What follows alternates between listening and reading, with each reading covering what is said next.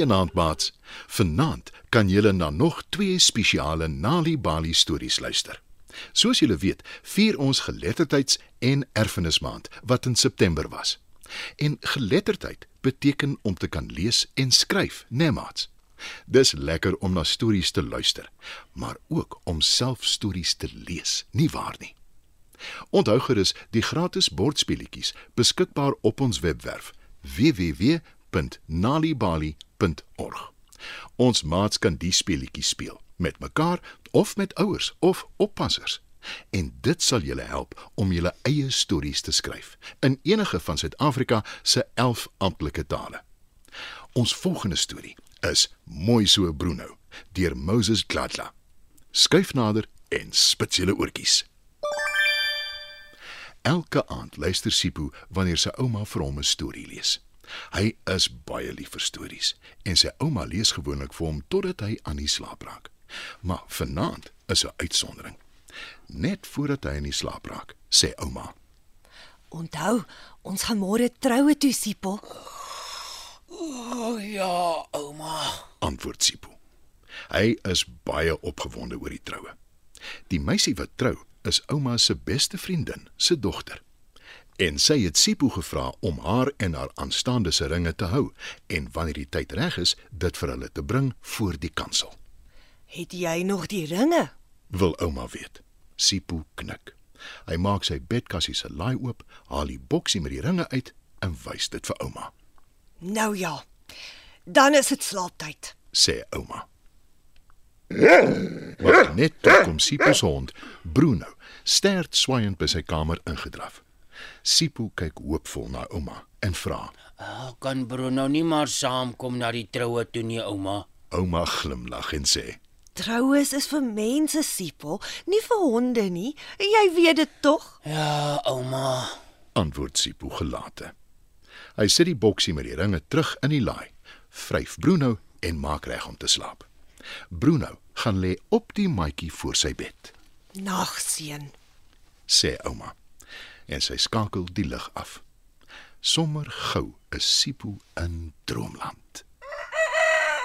Die volgende oggend is hy vroeg op om reg te maak vir die troue. Sipho maak seker dat hy die ringboksie in sy baadjie se sak sit. En hy en ouma loop na die tuinhekkie toe waar Bruno hulle inwag, Soet wees Bruno. sê Sipho. En hy en ouma begin aanstap na die kerk toe waar die troue gaan plaasvind. Dis gelukkig net so 'n paar blokke van hulle huis af. Sipho begin skielik nies. Hy steek sy hand in sy sak om sy sakdoek uit te haal en sonder dat hy dit agterkom, val die ringboksie uit. By die kerk aangekom, sluit hy en ouma by die ander gaste aan. Die troue begin en Sipho wag vir die aankondiging dat die ringe oorhandig gaan word. Die oomblik breek aan en hy stap na die bruid en bruidegom toe wat op hom wag. Sipho steek sy hand in sy sak om die boksie uit te haal. En toe rek sy oë groot, want dit is nie daar nie. Hy kyk verboureerd rond. Sipho, die ringe. Sipho weet nie wat om te sê nie. Hy verstaan nie wat van die ringe geword het nie. Hy weet tog hy het die boksie in sy sak gesit. Net toe kom Bruno by die kerk ingedraf, reguit na Sipho toe. En in sy bek is die ringboksie. Sipho vat dit verbaas en baie dankbaar by sy hond en oorhandig dit aan die bruidegom. Dankie Bruno. Mooi so. Fluister hy vir sy hond. En raai wie woon toe die dag die troue by? Dis reg. Bruno, die slim hond wat die ringboksie uit Sipho se sak gesien val het en dit kerk toe gebring het. Dit was Mooi so Bruno deur Moses Gladla. Ons volgende storie is Nossie se tand deur Moses Gladla.